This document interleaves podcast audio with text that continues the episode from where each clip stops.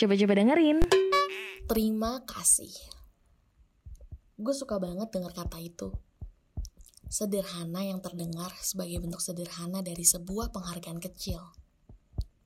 Setelah gue pikir-pikir juga, terima kasih itu pondasi dasar dari garis besar kehidupan. Tadi gue bilang, seakan bentuk sederhana dari sebuah penghargaan kecil. Iya, memang garis besar kehidupan ada di sebuah pergerakan yang gue rasa gak perlu langsung bergerak cepat. Gak perlu langsung menghasilkan besar.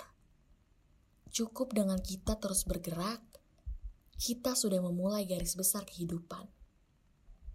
Persis seperti terima kasih yang menjadi bentuk sederhana dari sebuah penghargaan kecil. Kelak, nantinya, atas apa pun yang terjadi, dengan ikhlas kita bisa meluaskan hati untuk menerima segala kasih. Terima kasih ya. Terima kasih juga ya. Memang kasih itu semestinya saling memberi dan menerima. Bukan cuma tentang satu, tapi tentang semua. Manis ya? Buat gue, terima kasih itu sama dengan aku sayang kamu. Terima kasih ya untuk hari ini. Terima kasih ya sudah mau bantu. Terima kasih untuk teh panasnya. Terima kasih sudah mau mendengarkan. Gokil. Seakan kita memberi dan menerima segala bentuk kasih dari satu frasa sederhana yang diucapinnya juga gak perlu lama. Karena itu hanya terima kasih. Oke. Beberapa waktu lalu, teman dekat baru gue gambar mata gue di dinding dan itu besar banget. Dia seniman, dia pelukis, namanya Chestra. Satu gambaran luar biasa besarnya di dinding halaman rumah gue itu. Dia gak minta imbalan apa-apa. Dan kebetulan memang gue gak bisa ngasih apa-apa selain terima kasih ya Chestra. Syukurnya sih dia happy. Ya semoga aja emang beneran happy. Dia cuma jawab, Nggih, sami mawon sambil senyum. Tapi emang dia tuh punya satu keyakinan yang gue cukup pro juga. Dia selalu bilang gini, yang penting apa? Ikhlas dan bahagia.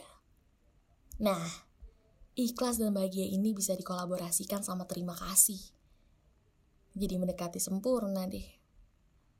Di mata gue, lukisan Chestra itu mendekati sempurna karena yang sempurna hanya Tuhan. Bahkan gue tuh gak bisa nilai letak kurangnya di mana. Gue cuma bisa cengok gitu.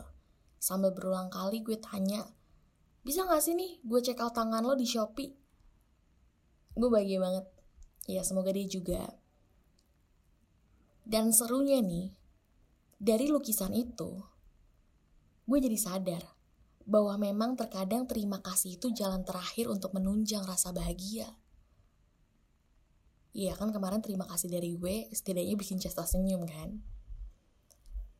Karena cuma terima kasih nih yang bisa gue kasih. Hasil karya dia di dinding kamar gue, gue kasih nama terima kasih. Karena hati Chestra dengan lapang menerima kasih dari gue. Dan gue pun sama. Gue menerima kasih juga dari Chestra. Ya lukisan terima kasih itu. Serius deh dinding depan halaman rumah gue jadi bermakna banget.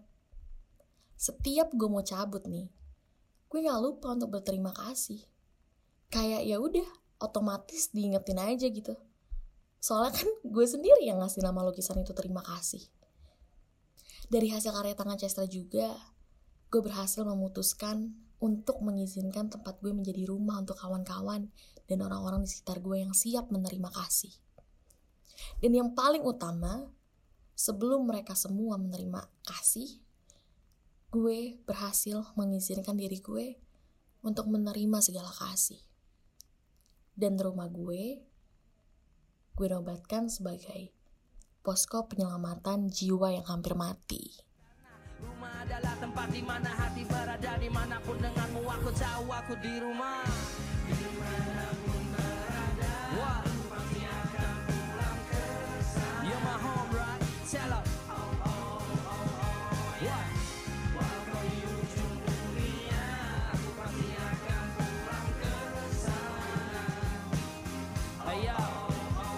terima kasih ya.